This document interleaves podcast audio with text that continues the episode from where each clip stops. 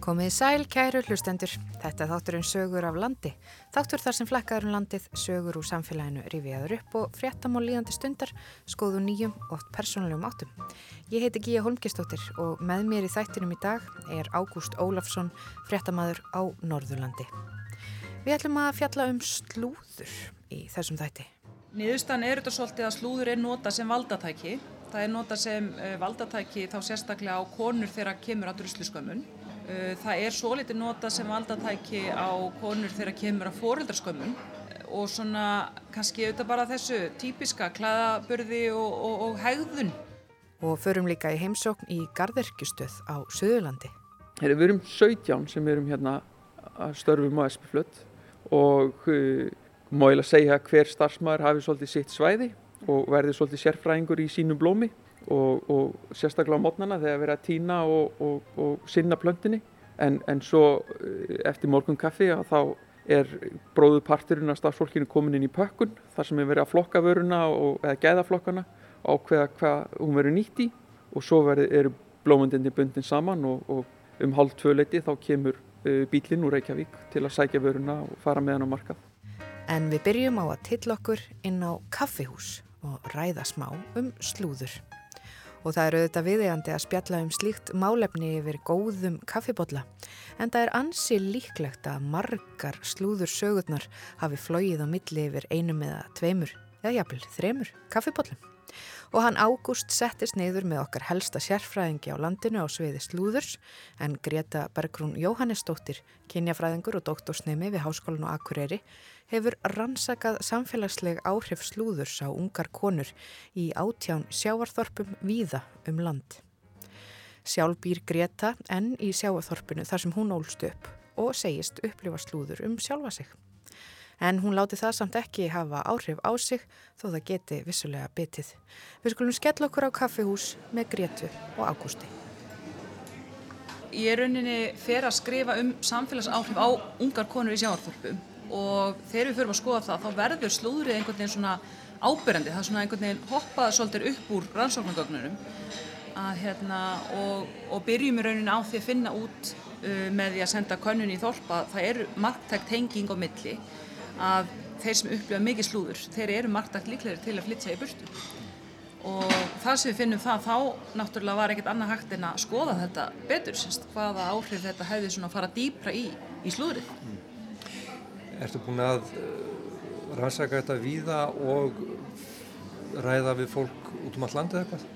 Ég hef búin að fara núna eh, sem sagt í ansi mörgþorp. Ég er að tala við, þetta eru átjón þorp sem ég er með í, í, í sem sagt svona búlíinu sko og eh, er búin að ná viðtölum við konur í, já flestum ef ekki öllum af þeim þorpum. Það er náttúrulega líka þannig að konur flytja mikið á milli þorpa, fólk flytja mikið á milli innan landsbyðarinnar. Þannig að, að já, ég er sem sagt búin að fara nokkra ferðir á, á, á vestfyrði og östfyrði og svona norðurland og ferðast á milli þorpa sem er náttúrulega bara æðislegt. Mm. Hver er þessu dæmi sem að, sem að þú hefur uh, komist í kynni við? Það eru, ég er svolítið að skoða slúður sem vald og svona bara valdflæðið og svona félagslega stjórnun í slúðri þar sem ég er í rauninni svolítið að spyrja konun sko hvort að það er breytingur í sínu lífi eða haugðun sem sagt uh, samkvæmt ef það er að hafa orði fyrir slúðri. Uh, ég er auðvitað líka að skoða sem sagt skömmun sem sagt það sem að er svona þessi skömm sem stjórnar okkur, það er óttin við að verða fyrir skömmunni sem að stýrir okkur stundum meira heldur en samvinskupitið yfir að gera eitthvað af okkur. Þannig að ég er svolítið að spurja og leita eftir því af því að e, slúðrið er nota til að færa skömmina á milli og þannig virkar þessi félagslega stjórnun. Er ástæðan fyrir því að þú velur þér þetta efni og, og, og fer þessa leið Er ástæðan svo að þú hefur sjálf persónulega orðið fyrir einhvers konar svona árásum? Ekki kannski árásum. Ég hef orðið fyrir slúðri eins og allir aðrir og bara sem ung kona í, í hérna litlu samfélagi þá er þetta bara liðið með sinu lífi og, og gerði það skóla hluti sem að kannski kölluði fram uh, umtal. Uh, ég sjálf svona kannski tel mig hafa nokkuð breytt bak þannig að kannski tekst mér að, að hérna, höndla þetta betur heldur en, heldur en öðrum. Allavega flutti ég heim aftur þannig að það var allavega ekki, ekki verið en svo. En það er náttúrulega líka þetta með orðspor Uh, ég allavega veit ekki til þess að ég sé með eitthvað gríðalegt orðspor á mér. Þetta er vel verið þó ég viti það ekki. Það er nú eðlið slúður svo þú veist ekki alltaf hvað er verið að segja um þig. En þetta er líka svolítið það sem ég hef verið að skoða hvort að þetta orðspor sé rauninni að sko eldakonur og hérna þá annarkort með uppnefningum eða, eða öðru. En þetta er, já, kannski svona eina af ástæðunum að mér finnst það áhugavert að hugsa til þess þegar ég flytt aftur heim að ég fann svona ákveðna forðun, það er ákveðin, ég kannski fer ekkert endilega, var kannski ekkert endilega að fara eina á, á, á barinn, sko þegar maður minn var á sjó eða eitthvað svona, það voru svona ákveðnir hlutir sem að, að köllu fram áhuga á kannski þessari stjórnun sem að, sem að lá í slúrinu. Eh, Verður þú fyrir þessu eftir að þú kemur heim aftur eins og segi, búin að stofna heimili og, og allt það eða var þessi kæftagangur bara meðan varst krakki og unlingur eða hvað? Ég bara, ég held að þetta hann bara verið svona kannski sama hjá mér og, og, og mörgum öðrum og hérna og þá kannski bara mest þegar að, að ég var ung og einhleip og hérna og maður var að kannski sem sagt uh, gera bara eins og uh, ungt fólk gerir þegar ungt og einleip bara alls konar hluti sem að, sem að hérna, því er bara hljást að gera. Og uh, en jújú, jú, auðvitað hafa sko svona sögur líka verið og þá kannski meira tengt svona í setni tíð svona kannski heimilishaldi eða, eða þvælingi svolítið, hérna, fólk hefur svolítið, áhuga á því að ég skuli þvælast mikið út af vinnu og vera lítið heima hjá mér Þannig að þá kemur svona kannski kæftagangur í, í, í kringum svona það frekar heldur, heldur en hitt. Hvernig hitt er þetta þið fyrir? Hefur látið þetta að hafa mikil áhrif á þið? Uh, já, í rauninni. Sko, það er náttúrulega, sko, ef maður fær ofta á sér sömu hlutin einhvern veginn og, og átt að segja á því að fólk er að, að, hérna, að kæft um eitthvað eins og, eins og þetta, ég segja, ég sé ekki, hérna, ég sé mikið á ferðin eða mikið að heimann, sko að, hérna, að þetta er kannski líka það sem er sko hvað persónulegast þegar þetta snýr líka að sko börnunum hans. Að þá verður þetta svolítið persónlegt í eðlisínu að, að þá upplifum er það. Þó ég sko ég, þú veist ég vil ekki meina að það sé sko neitt ílt á bakveita þetta. Er bara svona einhvern veginn þú veist já eins og ég segi svolítið kæft að gangur að að, hérna, að þá verður þetta svolítið persónlegt þegar manni finnst þetta beinast að, að hérna, kannski fjölskyldinu og því hvernig ég bara stend mig sem móður eða eitthvað slíkt. Þannig að það getur auðvitað haft áhrif á mann og, og, hérna, og kannski bara sem ung kona að ætla mér á, á, á framabraut að, hérna, að þá hefur það áhrif ef að þið verið að spá mikið í, í hérna, heimilisaldi eða, eða hvort ég er heima hjá mér eða í vinnunni eða ekki. Hefur þau í öllu þínu viðtölum hitt og hirt í mörgum konum sem að hafa flúið undan svona kæftagangi og slúðri og, og, og neðist til að flytja heimann? Já, já, ég hef búin að hitta á nokkrar og svo hef ég líka hirt af hansi mörgum af því það er svolítið svo leiðist þegar ég fer að spyrja eftir því inn í, inn í þorpina þá segir hér nei, hún er flutt í burtu. Að, en jújú, jú, það er hérna bæði þá erfið mál sko það er þessi litlu samfélag eiga mjög erfitt með að taka til dæmis á kynfyrirsbrótamálum og það er kannski, svona nær kannski svolítið lengra enn slúður að svolítið svona flóknar eðli sínu heldur en það.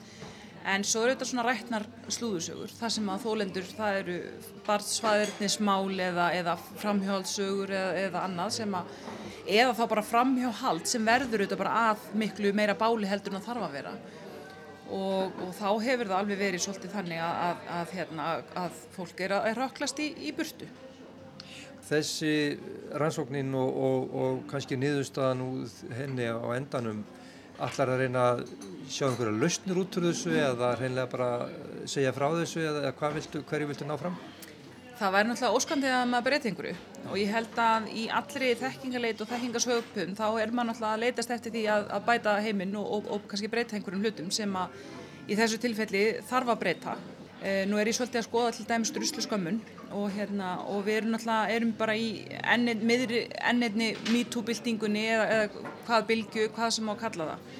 Og uh, bara aukin umræð um allt þetta það hjálpa til og, hérna, og ég held að með verkefni eins og þessu þar sem við erum bara svolítið að opna umræðuna, við erum að opna umræðuna um hvernig við notum uppnefni, hvernig við tölum um fólki kringum okkur, eh, hvaða sögur við látum berast á milli bæja eða á, á milli sko, vinnustafa og ég held að eins og með allt annað ef við sko opnum pínum á þetta, sprengjum aðeins á, á, á, á kilið og, og, og hérna, tölum um þetta þá áttum við okkur betur á því að hérna, sérstaklega með þeim samfélagsbreytingum sem hafa verið í MeToo-byltingunni og, og slíku þá áttum við okkur betur á því sko, hvernig við getum breytt þessu Er þetta gamlar sögur sem þú ert að heyra? Er þetta, er þetta eitthvað sem að er í, í liðinni tíð eða er þetta svona ennþá? Er, er sami svona kjöttugangurinn og, og, og baktalið í gangi ennþá? Er fólk enn að flýja úr svona samfélagum? Uh, ég held að það sé nú sem betur fyrr uh, mingandi og það er auðvitað bara jákvæmt að sjá það. Til þess eru uppnefni mingandi eða sem sagt hafa farið svona en, en það er einhvað síður svoleiðis að þessi þorp er auðvitað svolítið byggð upp á svona fjölskylduveldum svolítið, það eru sömu sko fjölskyldur og ætliðinir hana kynslu fórum kynslu og þannig auðvitað viðhaldast sögurnar. Þannig að sumar af, af, af, af sumt af því sem ég hef verið að heyra þá fólk að, að sko að konuna revi upp kannski 20 ára gamla sögur af öðrum konum eða af fólki og, og hérna af því að það bara mann sögurnar og annarkoð þau gegnum uppnefni eða sögur sem heyrið frá mömmu sinni eða eitthvað en svo er auðvitað líka bara eitthvað sem konur eru að lenda bara í, í enn í dag svona, já, erfiðum, erfiðum aðstæðum sem að, að hérna, samfélagið svona dæmir þær fyrir. Mm.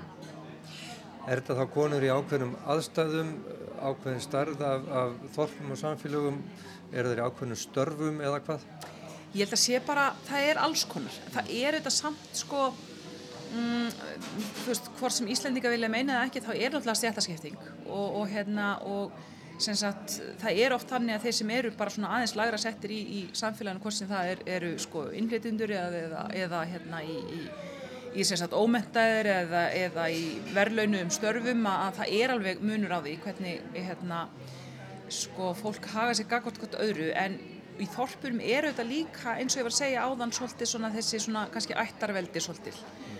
og þau virku þetta stundum svolítið eins og reglíf yfir fólk það er alveg sama hvað og brítur af þér að, að, að þú fær skjól af þinni fjölskyldu svolítið og auðvitað ekki alveg sama hvað getur gengið lánt En svo eru aðri sem kannski eiga aldrei séns af því að hérna, aðeinn var drullusokkur eða eitthvað svona.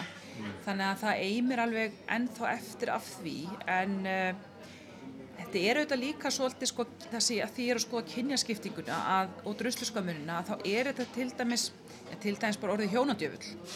Uh, það virðist gegnum gangandi vera mest notað yfir sko konur.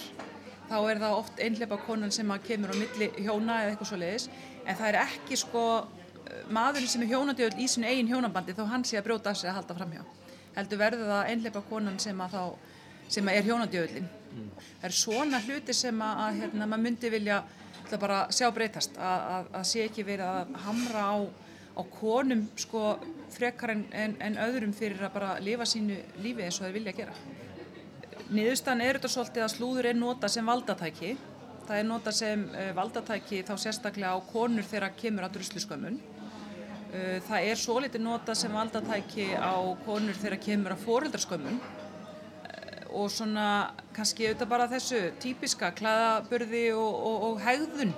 Það er svolítið tabu fyrir, fyrir hérna, meira tabu fyrir konur til dæmis að verða ofurölvi á þorrablóttinu heldur en kallastundum og svona ákveðin hegðuna munstur sem að, að líðast síður. Þannig að hérna en auðvitað sko frum niðurstöðuna sem við, við gerðum í upphæfi sem sína þessa marktæku fylgni á milli slúðus og búferðlaflutninga það er auðvitað niðurstöða líka sem er í rauninni merkileg því að þetta hefur ekki verið sínt fram á þetta hvorki í erlendur rannsóknum niður í Íslandum að það sé í alvörinu tenging þarna á milli og ofta er talað um þetta en ekki sínt fram á það eins og við erum að gera í, með þessu verkefni. Að það sé þá kannski hreinlega verið að flæma unga konur í burtu? Mögulega, ég vil nú kannski ekki alveg taka svo, hérna, svo stert til orða en, en, hérna, en við erum allavega getum sagt að þetta er uh, ein af og kannski fyrir marga sterk ástæða fyrir því að uh, flytja í burtu frá litlusafilum eða þá kjósa að flytja ekki tilbaka. Svo er það líka að, að hérna, brotthlutar eru líka sumar af þeim sem ég tala við kjósa að flytja ekki tilbaka en áhugavert samt að velja samt ofta búa í svipum samfélum af svipari stærðagráðu þannig að, að, hérna, að þú ert kannski þorpari sko, í, í eðliðinu en velur þér kannski annan stað og þetta hefur makaval og fleira áhrif á það líka. Ágúst Ólason, fréttamaður rætti við Gretu Bergrúnu Jóhannesdóttur um slúður og samfélagsleg áhrif þess. En úr slúðurinu er fyrir okkar heitið í Garðirkjustöð á Suðurlandi, nánatiltekið í Bláskóa byggð. Ég heiti Axel Sæland og er Garðirkjubóndi á Espiflönd. Og núna stöndum við já, og horfum hérna yfir svona rosa haf. Getur þú sagt okkur hvar við erum?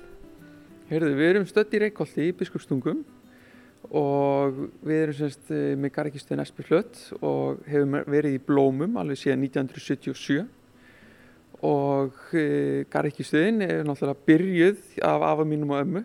Þau komu hérna fyrir margt löngu og, og í framhaldinu var papp og mamma og, og nú er það ég og Heiða, kona mín, sem erum að reyka þessa stöð og þótt að mamma og pappi séu enn þegar á staðnum og, og segja okkur mikið til en þá hvernig nefn að gera hlutina þá, þá erum við svona smátt og smátt að taka þetta alferði yfir ég og heiða. Þið hefði alltaf verið í blómum.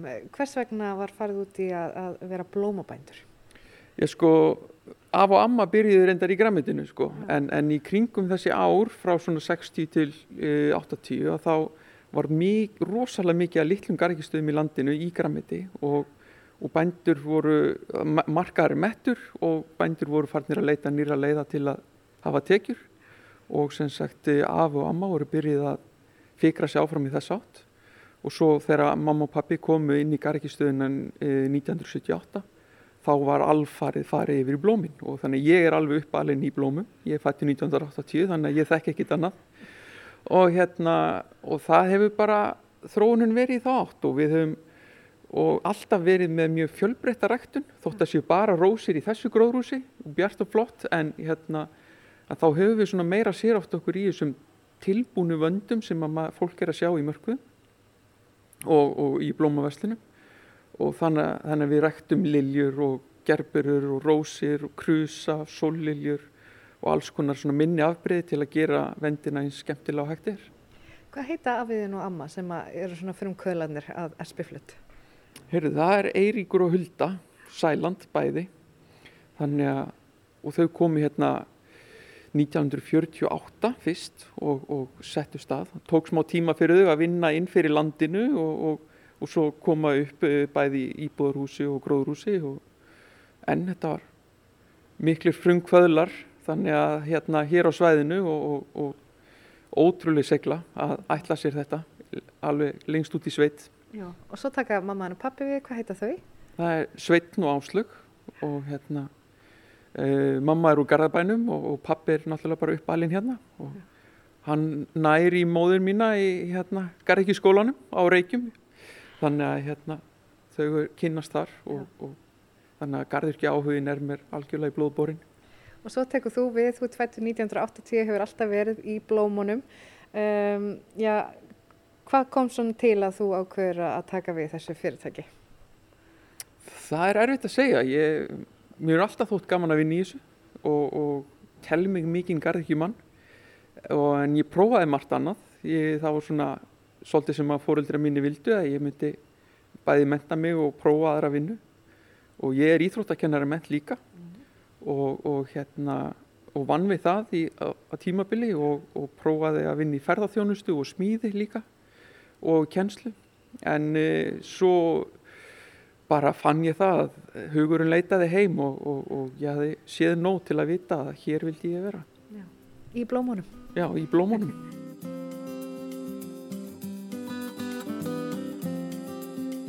Talandu um blóm, við erum inn í þessu eh, nýjasta gróðurhúsi ykkar. Hvenar byggði þetta hús? Heyrðu, þetta hús er svo sem búin að vera svona í kollinum á okkur í svolítið tíma en, en, eh, og við vorum í rauninni að fara, að fara á stað e, fyrir fjórum árum síðan en, en þá komur svona smá hnökrar í okkur og, og við hérna hættum við en svo kom COVID og, og hérna og þá var bara fór blómasala á algjört skrið það var bara ótrúlega breyting í samfélaginu það var gríðarlega sala og þá ákvaðum við að stökka á þetta og, og, og leggja á stað í þessa vekkferð og sem og reyndar arði garðekjubandir gerðu, bæði hérna í Reykjóldi og annars þar á landinu. Það svona innlend framleysla fóra, ég segi ekki fóra að höfða meira en, en einhverju hluta vegna og jógst salan mikið. Hafið þið ykkur breytingu uh, núna þegar COVID er kannski örlítið og niðurlið eða svona í ykkur svona jafnari fasa, er ykkur breyting á sölum? Sko þegar að COVID byrjar að þá náttúrulega eru brúkaup og veistlur og allir viðbörðir eru búnir eða semst verða ekki og við sáum, það var engin bjart sinn í okkur en, en, en á móti kom að þá komu 2000 íslendinga heim að utan og þurftu koma heim og fólk var mikið heima hjá sér, var ekki að fara mikið og það vildi greinilega hafa eitthvað blómlegt í kringu sig og neysla á blómum í stórmörkuðum stórjókst yfir kóðutíman og, og hefur henni ekkert dalað síðan sko og núna eru svo augalega bætast við fermingar og brúðkaup og vestlur og ammali og þannig að það er svona koma ón á mm -hmm. þessa miklu neyslu sem að jókst í mörkuðunum sko. Og fólk kannski búið að læra hvað það er notalegt þá að hafa blóm í kringu sig? Já, má segja það. Það er, það líkar tilveruna að hafa blómlegt í kringu sig. Segðu okkur aðeins frá þessu sem er hérna, þetta eru rósir, er þetta allt einn tegum, hvernig, segðu mér aðeins frá þessum rósum hérna.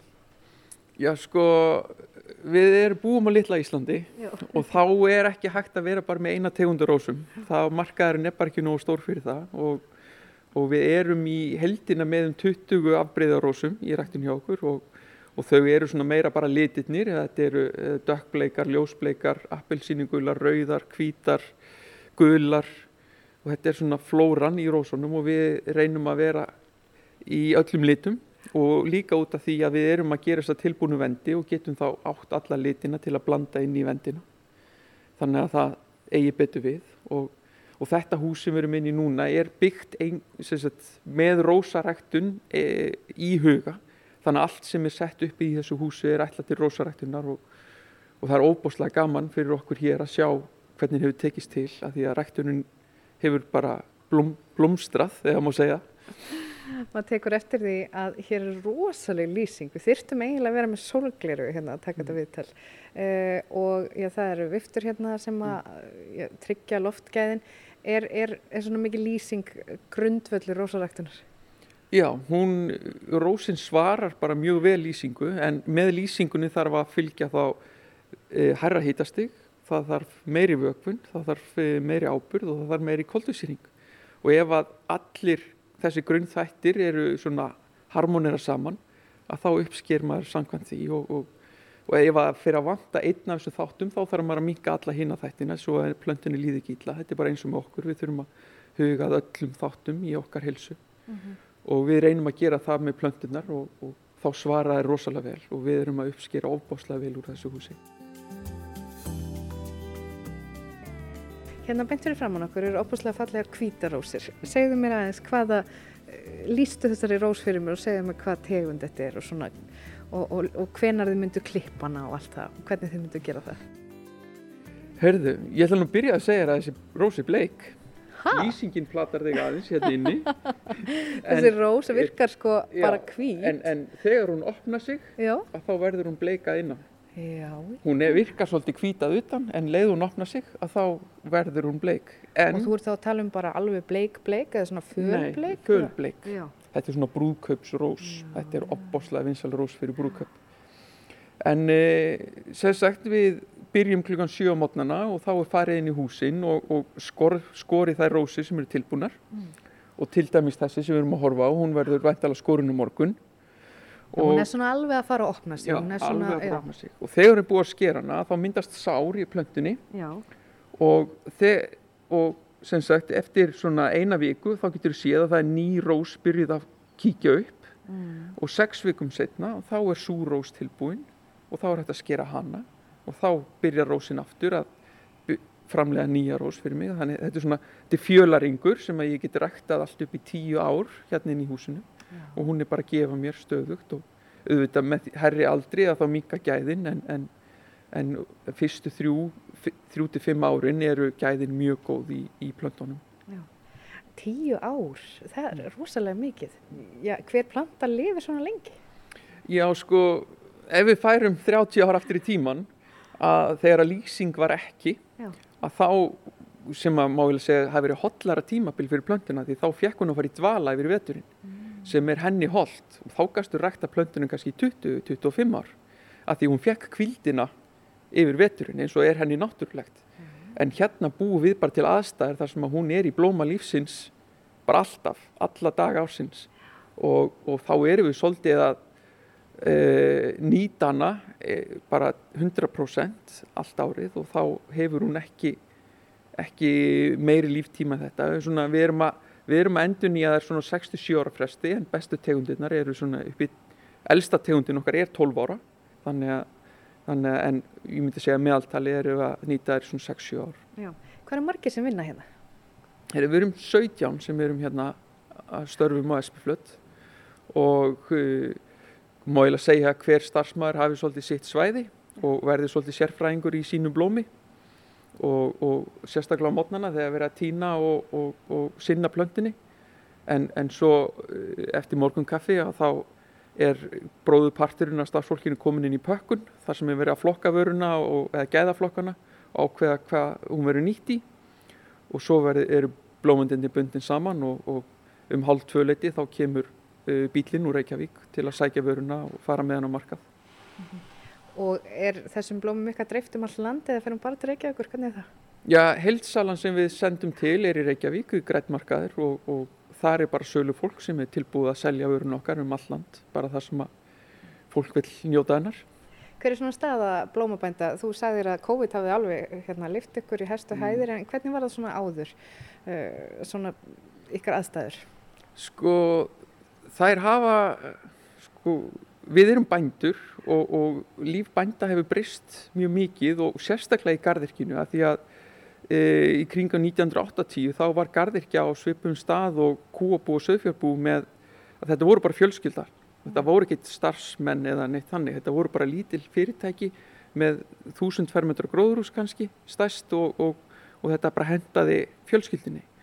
En uh, með árunum og, og, og kröfu neytanda með því að fá betra verð á vöruna, þá hefur okkur fækkað alveg ógulega. En á móti kemur við að stækka og lýsingin kom rosalega stert inn í kringu 1990, þá var, byrjuðum við að lýsa og, og í 95 vor, voru við fyrir að lýsa öll gróður sem okkar allt árið sko.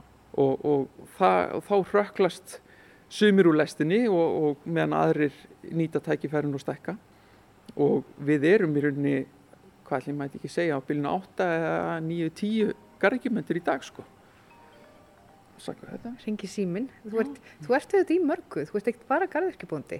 Þú ert líka í sveitastjórn og hinn á þessu. Ertu líka kannski uh, að kenna íþróttir og ímislegt?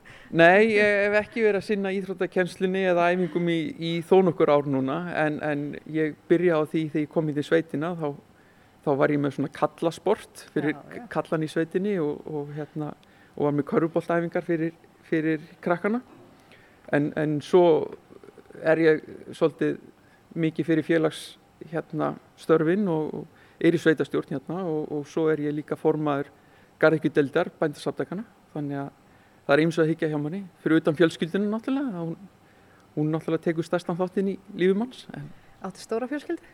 heyrðu við eigum fjöguböld þannig að já ég myndi segja við séum svona í stærri kantinu með við nútíma fjölskyldu í dag.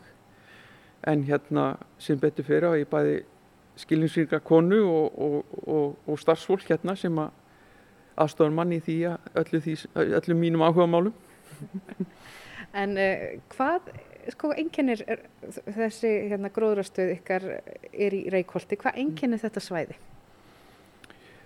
Það er náttúrulega jarðhittin til að byrja með. Það er náttúrulega ástæðin fyrir því að af og amma komi hingað uppaflega. Hér er hver sem gefur uh, mikinn hitta og tölvert af vatni og, og afi var bara einn af þessum bændum hérna sem að uh, fór að nýta hverinn og, og leggja heitt vatni í gróður sem hittaði upp til þess að og heita vatni gaf þeim náttúrulega það að þau gáttu byrja fyrir á vorin og rækta lengur inn í haustið og, og það er grundvöllurinn fyrir þessu samfélagi sem er hérna á staðnum og og hérna myndi ég segja að væru mörg framhúsgarandi fyrirtæki á staðnum í, í hvert í sínu fæi og, og hérna bara eins og Gufuhlíð er uh, gúrkustöð hérna sem er mjög flott gúrkustöð og og svo friðheimar í tómutónum og, og, kvistar sem eru garplöntustöð og, þetta eru mjög flottar gargistöður og við höfum bara, myndi ég segja svona haldi hvort öðru svolítið á tánum.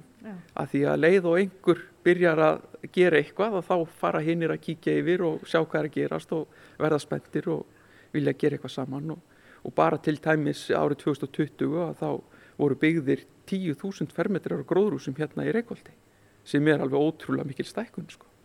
Það er mikil stækkurinn. Hvað eru þið með uh, marga fermetra hér á, í Espiflut? Við erum með 8.000 fermetra undir gleri hérna hjá okkur og, og þannig að við erum allir við séum ekki að rækta, myndi ég segja um 2,5 miljón blóma á ári hérna hjá okkur. Við erum í nýjasta partinum, getum við gengið aðeins um gróðrastöðun og þú sýnir mér svona það helsta, bara stuttlega. Já, mikið sjálfsagt. Sko við göngum inn út úr rósunum og svo út úr þessari byrtu, maður finnur mikinn mun. Uh, hér erum við hins vegar komin í hvað? Liljurnar? Já, hér, þetta er sérst Liljuhúsið og uh, liljurnar þurfa bæði minni hita og, og, og minna, minni lýsingu þannig að dagspyrta núna úti er greinlega næg Já. og ljósin eru ekki kveikt hér en, en leið og, og dagspyrtan verður minni að þá kveikna ljósin bara sjálfkrafa og, og hérna fara já, halda vexti liljana í gangandi. Það eru liljur hérna fremst en það er nú einhver annu blóm hann fyrir aftan eða hvað? Já, er þetta líka liljur? þetta heitir statika, þetta er sem sagt svona uppfyllingablóm, þetta er, þetta er það sem við notum mikið í vendina til að punta þá enn frekar fyrir markaði. Já. Svona fjólublá eiginlega pínu eins og lavandir en er, er samt ekki lavandir. Og þið eru með mjög margar tegundir út af því að fjölbreytileiki er greinilega eitthvað sem þarf fyrir markaðin hérna á Íslandi. Já, við erum náttúrulega smámarkaður, má segja. Ísland, þóttu við horfum á okkur sem stórasta land í heimi, að þá eru, eru við örmarkaður í hugum, huga, eh, hvað ég segja, í samingi við Evrópu. Og hérna, þar að leiðandi verðum við bara að e, rækta margar tegundir ef við ætlum okkur að hafa skarikjustöð í þessum stærðaflokk. Hérna erum við komin í pökkunastöðina. Hér er fólk alveg á fullu, Já. starfsmenn og, og, og, og það er greinilega búið að, að, að gæðaflokka, það er búið að, að setja þetta í gegnum svona alls konar vélar. Hva, hvað fer hér fram? Hérna voru sagt Dagmara og Jirka að klára flokka rósir dagsins og uh, nú er bara frágangur, það er búið að gæða flokka allt og koma á bíl og, og, og farið til Reykjavíkur og hérna og það er alltaf afskurður, alltaf eitthvað sem nýtist ekki og þá þarf að koma því koma því, í, hvað ég segja koma því frá en þetta fer allt hérna í kerru út á hlaði og hún er kerð á næsta sveitabæ þar sem að þetta er, runni fer bara í haug og jargerist þar sko. Síðan er hérna annað, annað Þetta er þetta er annað annað rósahús. Já. En þarna er ekki þessi svakalega byrta og var í hinu rósahúsinu. Nei, við keirum þetta hús aðeins kaldara og, og eru sem sagt að því plönturnar eru aðeins eldri og til að halda gæðunum að því ef við höfum aðeins kaldara og minni byrtu og hérna þá sem sagt fáum við öfluri stilka á plöntuna þannig að það er bara hugmyndin og Og þetta er svona hús sem er búið að vera lengi í nótkun hérna. já, þetta hús er byggt 1981 þannig að Já, þið eru bara næstu jakkum, Já, þú og húsið. Já, það má segja það. En mér langar að sína þér hérna, hérna er hún Kristína, Já, hún er að dreifa lífrænum mörnum og eins og þú sér þá er hún með flösku og í þessu flösku er sag. En uh, í sæginu eru maurar.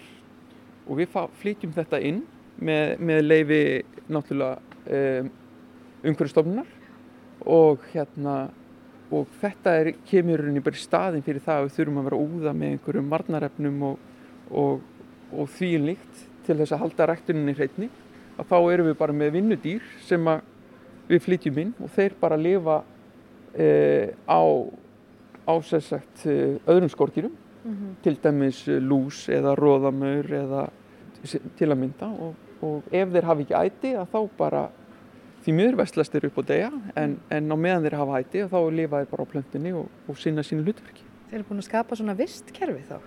Já, það má ég lega segja það og, og hefur reynst bara tildulega auðvelt í fjölari um plöntum þar sem að plantan er alltaf til staður og maurinn getur farið hvert sem hann vil og við þurfum ekki endun í hann í að pratta eins og í einaruræktinni þar sem að er bara, þar sem er bara plantað út og klift og fjarlægt og, og hérna við erum að setja inn einhverjar fimm tegundir af skortýrum í hverju viku og, og það er til að halda niður allri óværi í húsinu. Er langt séðan þið byrjuð á þessu? Við byrjum þessu árið 2000 og, og það var bara svona meðutu ákvörun um að við þyrtum bara að finna leiðir. Þetta, þetta, þetta var bara, má segja, næstu eitur jökk sem við vorum að vinna í Já. og hérna og það var farið til Hollands reynda 98 þar sem við finn, var verið að kynna þessar leiðir. Þetta var þetta var ekkit algengt þá og þar var grænfluga sem heiti Macrolophus sem að uh, mamma og pappi höfðu trú á að geti virka fyrir okkur í, í gerburræktuna og það var svona fyrsta skrefið og það tók alveg nokkur ára að hafa trú á þessu en, en í dag að þá myndi við segja að við séum búin að minga varnarefnanótkunnum meirinn 99%.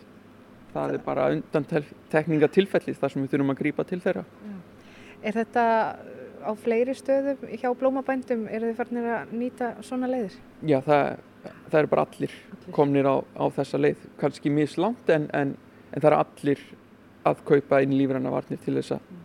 og þetta er bara, það er allt við þetta, það er sko líka bara fyrir okkur sjálf að vera ekki að vinna inn í gróðrúsum þar sem er búið að vera úða einhverju sem við vitum, jápil minna, við vitum ekki nóg mikið um og, og, og, og bara lappum og dreifa þessu það er, það er svolítið eðlilegar heldur en að lappa um í grímu og vera úða einhverju sko. Já. Og betra fyrir neytandan. Þetta er stórkvartlega framför. Algjörlega. Hvað er næst? Herði, við göngum bara áfram og, og finnum okkur fleiri gróðrús til að Það er nóg af þeim. Hvað er maður sko. gróðrús? Herðu, ég, þau eru svo... Vestu það? Marstu það? Við teljum 14 hluta en, en, en sum húsin eru líka saman og, og, og hérna en það er bara fyrir okkur að skilgreina hvar fólkið er hverju sinni mm. þá deilum við eins mikið niður og við getum hlutónum Já. En það er nú eitt, þið þurfum við ekki svona uh, kuldagalla eða neitt svoleiðir sem svona vinnufatna hér er alltaf hálgjart hittabildarslofslag Já, það er svona heilt yfir er, er hérna húsin okkur hlý og fín En ég ætla nú samt að sína þér hús núna sem er köldræktun. Jæja.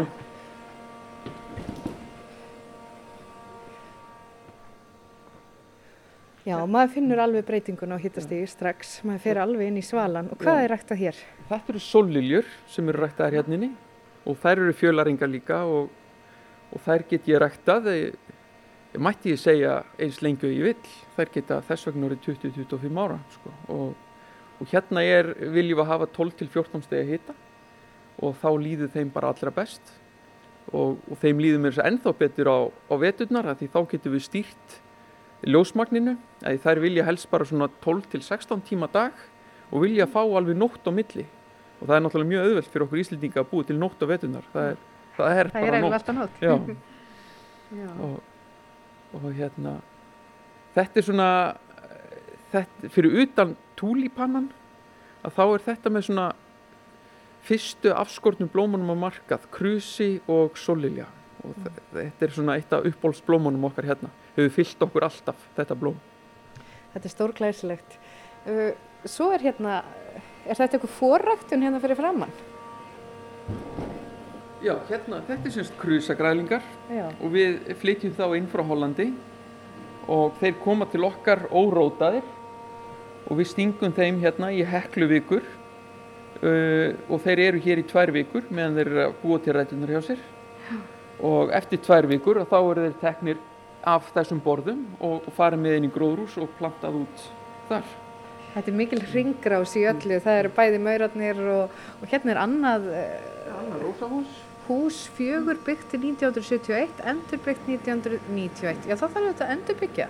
Já, það kemur fyrir. Það, það er mikil þróun í gróðrúsum eins og hverju öðru og, og, og hérna e, elsta húsi okkar byggt, sem við erum með í dag var byggt 1950 og hvað? Er það þrjú út af því að við erum komin inn í hús þrjú, 1953? Nei, jú, byggt fyrst 1953 og endur byggt 1990, þetta hérna. Og þetta er þá elsta húsi og hér eru blóm sem að ég man að ég sem ullingur og mér hefur nú alltaf þóttu falleg en þetta voru svona mín uppáhaldsblóm.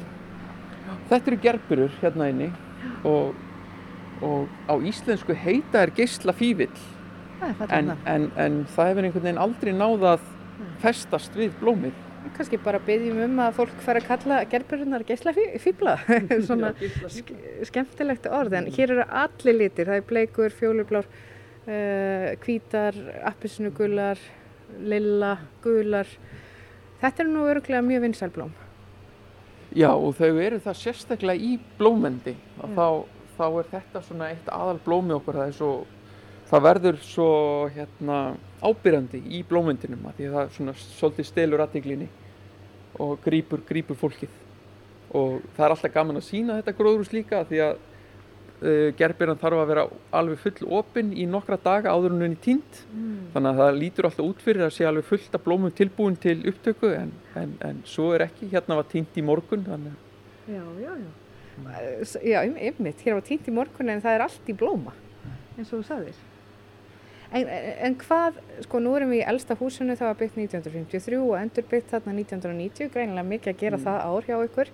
Um, það eru fleiri hús eftir, ég held að við höfum nú ekki tíma til að fara í þöll. Hva, hvað er mikið eftir af stöðinni? stuðinni, það er í rauninni krusaræktunin sem er eftir við getum alveg rölt þar yfir, Já, það er minnsta það. mál til að sína Já. að nú fáur svona góða sín yfir allt sem við gerum hér Segðu, við erum nú eiginlega komin á endapunktin.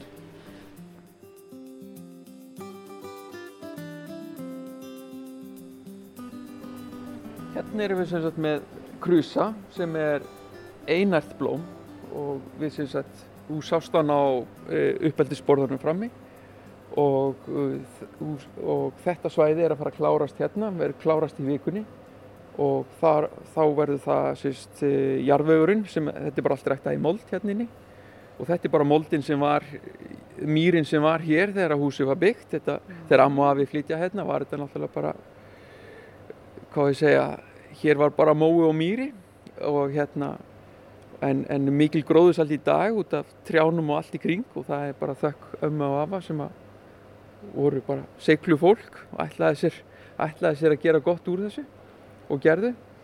En, en þegar að uppskerinn er búinn að þá hreinsu við, jarðveginn og svo er hann soðinn þá tökum við bara hvera vatnið beint úr, úr hvernum 98 gráði heitt og, og látum fljóta yfir jarðveginn til að sótt reynsan, bara ílgresi og, og óvaru og svo fara hann að kvílast í eina viku og þá er hann sem sagt tættur upp og, og planta nýju út í hann.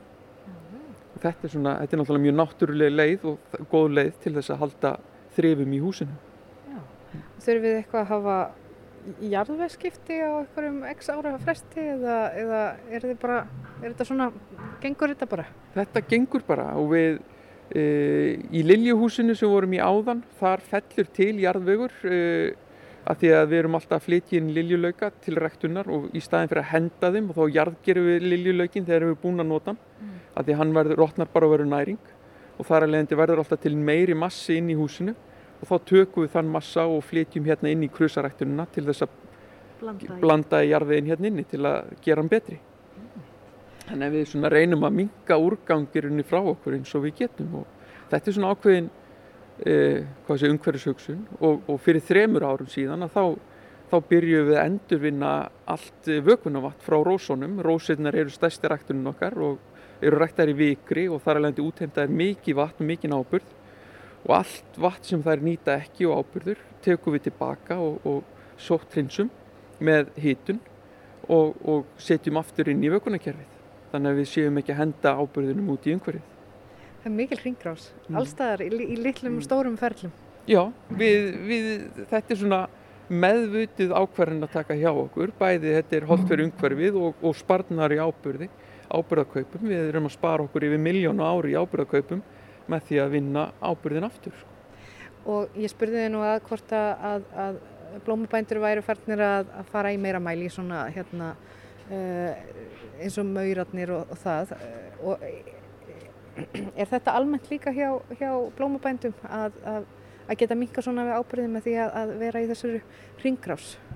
Ætli það sé ekki bara svolítið blóðbórið, þú ert gardirkjumadur og þá ertu svolítið í einhverjus hugsun. Þú svona ósar rátt, þú þarft að, þú ert að vinna með svo mikið tengt náttúrunni að ég hugsa að það sé svona almennt að þá ómeðvita, þá ertu alltaf svolítið í þessari ringrásar hugsun. Svo er íbúðarhúsið eitthvað bara hérna við hliðina og þetta er bara voðalega notalegt og fjölskylduvænt og, og hagvænt. Já, ég er alveg, það er alveg 30 metrar í vinnuna en, en þar að leiðandi má ég segja að maður sé alltaf í vinnunni og, og, og það getur náttúrulega tekið á en, en, og við höfum bara, það hefur verið þannig á fjölskyldinu þegar það eru frí þá, þá förum við, það, við ekki, getum ekki verið í frí heima hjá okkur, það er bara því miður ekki hægt en, en það er auðvitað mjög notalegt að, að þurfu ekki að ferðast langan veg til að fara í vinnuna og, og það er auðvitað þetta er í rauninni bara eins og kúabúskapur það er svo margt sem maður þarf að fylgjast með og, og, og hafa eftirlit með að maður er ekkert, vill ekkert fara of langt í burtu mm. Einn svona loka spurning Axel, áttu þér upp á þess blóm? Herðu, ég fæði þessa spurningu svolítið og, og blóminn sveiplast svolítið eftir hvað er uppáhalds og ég verði miður að viðkjöna það er svolítið það blóm sem selst best hverju tíma það verður svolítið uppáhaldsblómi hjá manni en, en, en, eh, en Sóliljan sem við vorum að skoða áðan hún hefur fyllt mér alveg frá, frá barnasku þannig að ég myndi segja að það sé svolítið uppáhaldsblóm sko. mm. önnur blóm í stöðinni hafa verið að sveplast inn og út bara eftir hvað er vinsalt og hvað er ekki en Sóliljan hefur alltaf fyllt okkur þannig að ég, ég myndi segja að hún væri okkar uppáhaldsblóm hér mm. Axel Sæland, takk fyrir að, að taka okkur í svona já, göngutúr um uh, gardirkistöðin ekkar, blóma, blóma ræktunina hér á Espiflutt. Takk fyrir þetta. Takk sem leiðis.